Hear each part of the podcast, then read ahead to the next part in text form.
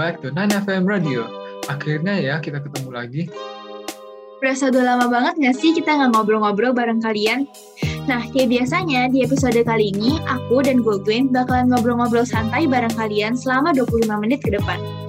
Dan namanya bukan 9FM kalau kita cuma ngobrol berdua. Hari ini kita akan kedatangan teman-teman kita dari bidang bidang berapa ya? Bentar-bentar, kamu nggak lihat nih hari ini aku udah ada udah kayak anak teladan banget. Rambut diikat, pakai kacamata, terus background aku juga lagi di perpustakaan. Kira-kira kenapa coba? Wah iya iya, kira-kira ada apa nih? Iya dong, soalnya tamu kita hari ini bakalan bawain topik yang menarik dan edukatif banget. Jadi aku menyimak deh. Hmm, oke deh, daripada makin penasaran dan buang-buang waktu, mending kita langsung aja yuk mulai sesi hari ini. Oke, kita di sini udah ada teman-teman dari bidang 4 nih. Kayak biasanya, boleh dong kenalan dulu sama teman-teman yang ada di rumah. Halo, aku Stefani dari bidang 4. Aku di sini sebagai anggota bidang 4. Halo juga, aku Kevin, biasa dipanggil KL, dan aku anggota bidang 4. Wah, halo juga. Pertama-tama, kami dari bidang 9 mau makasih dulu nih, karena bidang 4 udah mau jadian waktunya untuk hadir di 9FM hari ini. Nah, uh, sekarang aku mau tanya dong, kira-kira bidang 4 itu bidang yang ngurus apa sih? Dan ada nggak program-programnya? Jadi, bidang 4 itu adalah bidang yang mengurus tentang prestasi akademik seni dan olahraga sesuai sesuai bakat dan minat para siswa. Terus untuk program kita sendiri, yang pertama itu ada uh, Spartet atau Sports and Art Guide. Program ini adalah program bulanan bidang 4 yang di-share lewat platform Migosis Smart 3. Dan sesuai judulnya, program ini membahas seputar olahraga dan seni. Nah, kemarin kita juga sempat berkolaborasi dengan bidang tiga loh teman-teman. Jangan ingat nggak caranya apa? Hmm, apa ya? Program yang paling dekat kemarin apa sih, San? Uh, kalau nggak salah Ramuda kan ya? Bener banget, acara Ramuda kemarin itu kolaborasi bidang 4 sama bidang 3 buat ngadain lomba 17 Agustusan yang kemarin diikutin sama teman-teman. Oh iya, acara Ramuda kemarin emang asik banget sih. Banyak lomba yang seru-seru. Terus yang menang juga dapat hadiah yang lumayan loh aku juga setuju nih dan aku juga ingat lomba-lombanya tuh banyak banget dan sesuai dengan apa yang tadi bidang 4 bilang tentang bidang mereka yaitu berhubungan sama prestasi akademik dan juga bakat minat. Hmm, kemarin mereka emang balance banget sih, ada lomba akademis, uh, bentuknya quizzes, terus juga ada non-akademis kayak desain poster dan lain-lain. Iya dong, soalnya balancing akademik dan non-akademik itu penting banget. Oh ya, aku kira akademik itu yang lebih penting loh. Soalnya di mana-mana tuh kayaknya kita disuruh belajar, belajar, belajar terus kayak semuanya berputar sama nilai akademis banget. Enggak dong, skill-skill non akademik itu juga penting. Makanya kan kita wajib ikut eskul, terus juga ada pramuka, organisasi-organisasi, kepanitiaan dan lain-lain. Pokoknya ada kepentingan dan porsinya masing-masing. Bidang akademis emang bekalin kita sama eh, ilmu-ilmu yang penting. Tapi non akademis juga bisa bantu ngembangin minat bakat kita dan jadi stress reliever gitu loh. Intinya balik lagi sih harus bisa balancing kedua hal ini. Uh, yang dimaksud balance di sini gimana ya? Kayak 50-50 kah? Atau bukan? Misal nih, kayak kalau hari ini aku belajar 5 jam, apakah aku harus ngembangin sisi non-akademik juga selama 5 jam? Uh, sebenarnya nggak begitu ya kalau misalnya seperti itu kita kapan istirahatnya yang ada malah kita makin mumet nantinya oh berarti bukan balance 50-50 dong ya Menurut aku sih nggak fix 50-50 ya, soalnya balance setiap orang itu kan beda-beda sesuai passion dan profesi yang mereka minatin. E, misalnya nih, si A pengen jadi dokter, otomatis dari pekerjaan itu dia bakal lebih perlu kemampuan akademis yang lebih dong. Makanya menurut aku orang itu harus lebih fokus kembangin akademisnya. Hmm, berarti kalau misalnya aku mau jadi dokter nih, aku nggak perlu uh, ngembangin keterampilan non akademis aku dong. Oh, tetap gak boleh ngelupain non akademisnya juga dong, karena uh, aku yakin hard skill maupun soft skill yang didapat dari sana bakal kepake juga di kehidupan. Pinter-pinter nggak bagi waktu aja sih, harus tahu kapan waktunya fokus ke, uh, ke akademis dan kapan fokus ke non akademis. Hmm, uh, aku mau nanya dong, soft skill itu gimana sih? Kayak jiwa kepemimpinan kah atau yang lain? Eh, kepemimpinan itu masuk non akademis nggak sih? Harusnya termasuk non akademis sih. Soalnya kepemimpinan itu lebih ke arah praktek ya dibandingkan teori. Sedangkan definisi dari akademis itu sendiri yaitu hal-hal yang bersifat ilmu pengetahuan dan umumnya lebih mengarah kepada teori dibandingkan praktis. Hmm, terus kalau misalnya aku mau nih balancing kedua hal ini, kalian ada tips nggak gimana sih supaya aku bisa balancing sisi non akademis dan juga, dan juga akademis uh, biar secara seimbang barengan gitu? Yang pertama pastinya kita harus cari passion kita dulu. Apa aja sih yang kita minati dan mau kita tekuni. Terus yang kedua, kayak yang aku bilang tadi, kita harus bisa membagi fokus dan waktu kita dengan baik. Uh, tapi kan kita nih masih SMA kan ya. Rata-rata waktunya tuh kayaknya udah kesita banget tuh buat belajar sama ngejar nilai akademis. Terus buat keterampilan non akademisnya gimana? Kalau buat kita sekarang nih, kita bisa belajar yang benar dan manfaatin uh, kegiatan PJOK, Pramuka, eskul yang sudah disediakan, dan juga program-program lain kayak classmeet, workshop, seminar, atau program-program OSIS juga loh. Wah, kalau gitu mulai dari sekarang aku mau coba nih uh, buat balancein keterampilan akademis dan juga non akademis aku. Aku juga untungnya zaman sekarang udah dipermudah banget nih akses buat ngembangin skill akademis kita maupun skill non akademis kita. Ada banyak banget kelas-kelas online dan juga webinar yang available dengan harga yang cukup terjangkau. Rasanya kalau aku buka sosmed aku tuh tiap hari, ya ada aja iklan yang lewat tentang kelas inilah, kelas itulah, webinar ini, webinar itu. Bener banget. Nah, akhirnya kita udah paham juga deh tentang pentingnya balance akademis dan juga non-akademis. Makasih banyak lah ya bidang 4 udah capek-capek ngejelasin ke kita dan teman-teman yang ada di rumah. Sebelum sesi ini kita tutup, kalian ada pesan gak nih yang mau disampaikan ke teman-teman yang lagi nonton? Kalau dari aku sih yang penting teman-teman juga bisa mulai aware dan membagi waktu antara kedua hal ini biar kita bisa dapat ilmu dan manfaat dari both sides. Terus bisa jadi lebih nggak stres juga. Oh dari aku sih sama, tapi nggak perlu dibebani teman-teman ya. Karena balance itu nggak selalu 50-50 kok. Oke deh, uh, makasih banyak ya buat bidang 4. Dadah. Bye. Sampai ketemu lagi. Nah nih teman-teman, seru nggak ngobrol-ngobrolnya bareng bidang 4? Kalau kalian punya pesaran, komentar, kritik, atau mau ninggalin pesan buat bidang 9 maupun murid lain, boleh banget nih tinggalin pesan di Google kita ya. Benar. Dan kalau misalnya kalian lupa atau nggak tahu nih link kita di mana sih, nah kalian bisa klik Google kita dengan cara enter link gdpd.xyz slash nanfm 3 ya teman-teman. Nah, karena kita habis ngomongin balance antara akademis dan akademis, kamu jadi keinget sesuatu nggak sih? Hmm, apa ya? PAS dong, bentar lagi nih. Emang kamu udah siap belum? Belum, aku sampai lupa loh kita mau PAS. Ah, kok bisa lupa? Iya, soalnya belakangan ini tuh aku lagi excited banget mau mikirin Spider-Man tuh udah mau rilis. Loh, Marvel rilis lagi ya? Bukannya baru kemarin rilis film? Kayaknya emang akhir tahun tuh selalu jadi tahunnya Marvel deh. Sebenarnya mereka udah rilis film tuh dari bulan Septemberan gitu. Kemarin tuh ada Shang-Chi, terus ada Venom, Eternals, dan bentar lagi Desember 17 bakal keluar deh Spider-Man. Wah, ramai banget ya. Pantesan kamu sampai lupa PS.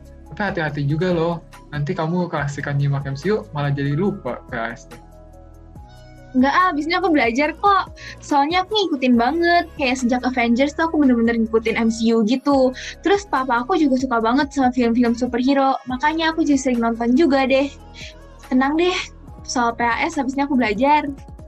Wah, jujur ya, kalau aku tuh kurang hafal sih kalau superhero gitu. Uh, kamu emang udah nonton semuanya? Hmm, belum sih. Aku belum nonton yang Eternals nih. Penasaran banget sama ceritanya. Nanti kalau sempet aku mau nonton lah. Hmm, Eternals kayak pernah denger deh judulnya. Hmm, mungkin kamu kayak ngerasa familiar sama Eternals tuh karena kamu ngeliat beritanya di mana-mana kali ya. Soalnya pemerannya tuh lumayan terkenal juga. Contohnya ada Gemma Chan yang main di Crazy Rich Asian, terus juga ada Harry Styles. Oh iya, aku tahu Harry Styles bukan ya. Hmm. Bener, Harry Styles yang mantannya Taylor Swift itu. Di sana dia jadi Eros, adiknya Thanos setahu aku. Hmm, orang mah ingetnya One Direction, kamu malah inget mantan deh. Gimana ya? Pasti gara-gara dia baru rilis album Red Taylor Version bukan ya? Iya, kamu udah nonton music video All Too Well belum? Uh, belum, tapi kayaknya lagi trending banget tuh. Dan aku lihat ada di mana-mana. Ceritanya emang tentang apa sih? Setahu aku ya ceritanya tuh tentang dia sama mantannya jadi kayak retelling her story gitu hmm mantannya yang mana nih kenapa ya kalau kayak Taylor Swift itu rata-rata tentang mantannya? kalau nggak salah sih um, yang All Too Well itu nyeritain tentang Jake Gyllenhaal. Nggak tahu juga kenapa karya dia ngomongin mantan semua. Tapi suka-suka dia nggak sih mau ngomongin apa?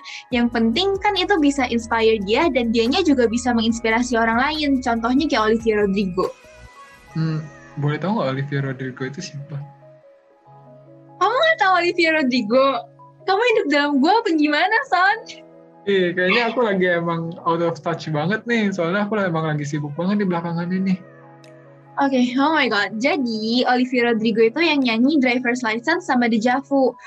Padahal sebenarnya dia cuma beda setahun sama kita, tapi udah keren banget. Dia bisa berkarya dan musik-musiknya itu sebenarnya terinspirasi dari musisi-musisi favorit dia semua.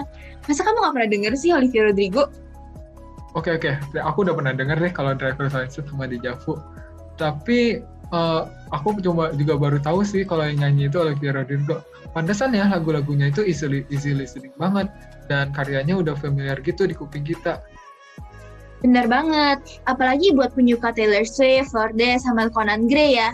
Wah, udah kayak makanan sehari-hari mereka banget deh itu musiknya si uh, Olivia. Hmm, oke, okay, ya udah deh. Kayaknya nggak bakal habis nih kalau kita ngebahas terus. Mendingan sekarang kita lanjut aja ke sesi berikutnya. Bener. Yuk, kasihan nih teman-teman.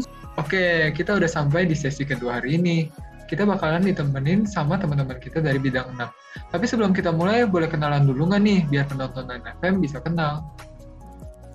Halo semuanya, nama aku Brian Farrell sebagai anggota bidang 6. Dan aku Naomi sebagai sekretaris bidang 6.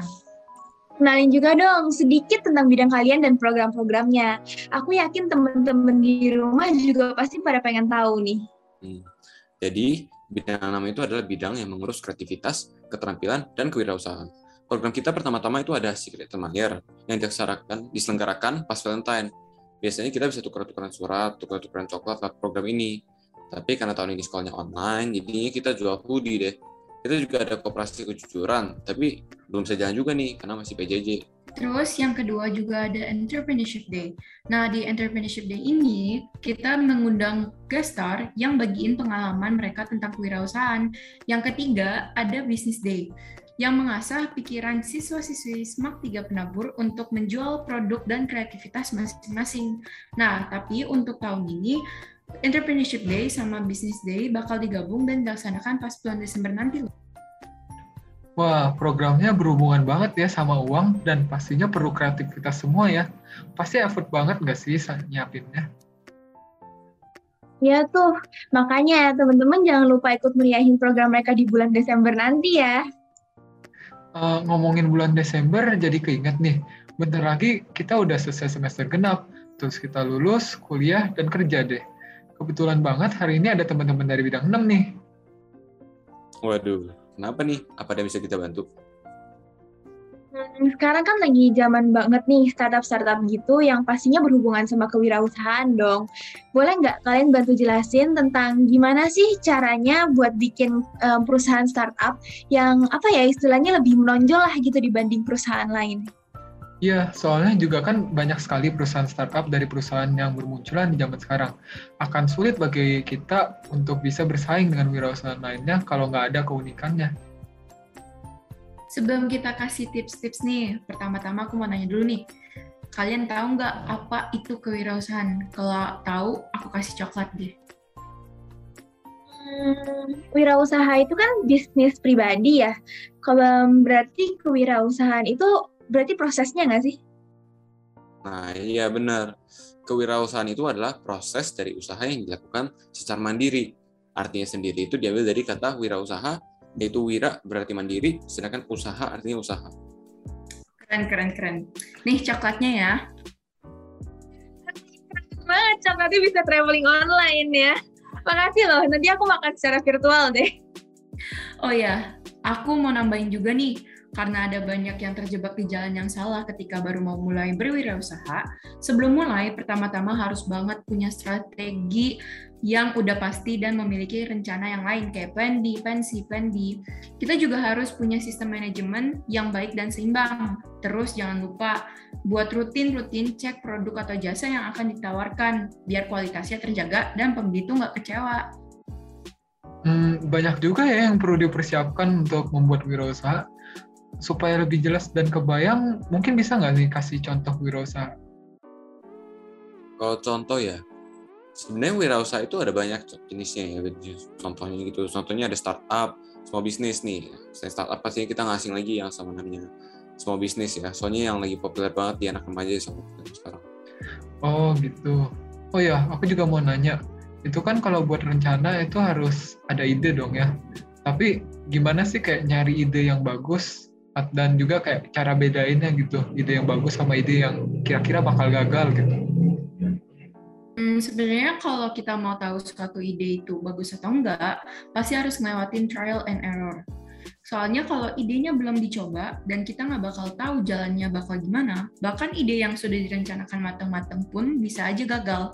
Kayak kalau mau nembak kamu nih, pasti harus direncanain matang dulu dong, biar gak ditolak. Ya. Aduh, aku jadi malu. jadi nggak ada jaminan sukses atau gagal ya. Harus dicoba dulu, baru bisa tahu. Hmm, iya, nggak bakal ada jaminannya. Aku pernah dengar tuh, katanya sebelum pencipta Twitch.tv bisa buat Twitch, dia tuh udah pernah buat banyak sekali aplikasi-aplikasi lain yang kurang berhasil seperti Social Cam dan lain-lain. Tapi setelah coba berkali-kali, baru deh akhirnya muncul Twitch yang akhirnya berhasil sukses. Wah, aku kira startup cuma butuh planning dan ide yang matang. Ternyata emang kita harus siapin mental buat coba dan gagal berkali-kali juga ya, baru bisa tahu berhasil atau enggaknya. Ya nih, sama aku juga baru tahu. Uh, aku jadi tertarik nih untuk coba small business tapi aku bingung banget deh mau untuk buka usaha pandemi gini enaknya buka apa sih? Kalau saran aku, kalau pandemi gini mending kita jual masker aja. Dari masker itu mungkin bisa kita coba kreasiin buat bikin motif dan lain-lain. Terus bisa juga jual makanan loh, seperti usaha catering atau usaha minuman manis kayak boba. Kan lagi rame ya sekarang ya. Kita juga bisa coba jual secara online, misalnya lewat Tokopedia atau Shopee. Tapi kalau jualan gitu biar seru harus sesuai passion atau minimal bergelut dalam bidang yang kita minatin nggak sih? Atau mendingan ikut-ikutan produk yang lagi trending aja biar lebih laku? Kalau bingung, gabungin aja dua-duanya.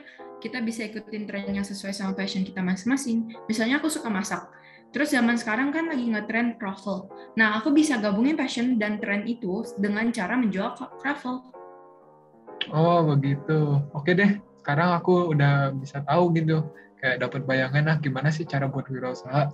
Tapi uh, sepertinya kita waktunya udah mau habis nih udah sampai di penghujung acara.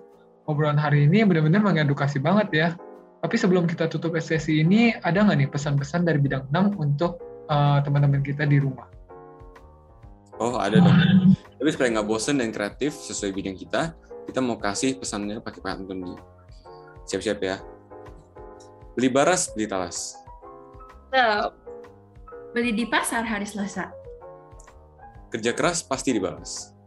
Semoga sukses panjang masa. Amin. Emang kreatif banget ya bidang 6. Oke deh, makasih banyak ya bidang 6 udah mau nyediain waktu dan tenaganya untuk ngisi episode 9FM hari ini. Iya, dan kita juga jadi dapat banyak banget pelajaran-pelajaran bermanfaat yang menarik yang sebelumnya tuh kita belum tahu. Terima kasih banyak ya. Wish, mas, makasih juga udah mau dengerin obrolan dari kita. Semoga bisa bermanfaat untuk ke depannya. Iya, terima kasih banyak juga untuk kalian tuh. Udah sampai dibuatin menjadi podcast. Semoga kita bisa ketemu lagi ya untuk ngobrol lagi di waktu mendatang. Sampai jumpa semuanya. Dadah. Dadah. Wah, rasanya langsung terinspirasi banget ya habis ngobrol dengan bidang 6. Bener, Son. Aku rasanya langsung pengen kayak start a business sendiri gitu deh jadinya. Hmm, mendingan kamu ikut entrepreneurship dan business plan day mereka deh nanti di bulan Desember. Hmm, iya sih. Oh iya, teman-teman kalau mau join juga boleh banget loh. Yuk. Nah, tapi untuk sekarang udah waktunya buat kita pisah nih teman-teman. Sekali lagi, kalau kalian punya pesan atau kritik, boleh banget mampir ke kubur kita di gdpd.xyz slash 9fm semak 3 Makasih banyak ya teman-teman udah dengerin kita di episode 9FM hari ini. Aku Twin. Dan aku Vanes. Pamit undur diri dulu ya. ya. Until next time guys. This has been 9FM Radio from 9 made for you persembahan bidang 9. See you!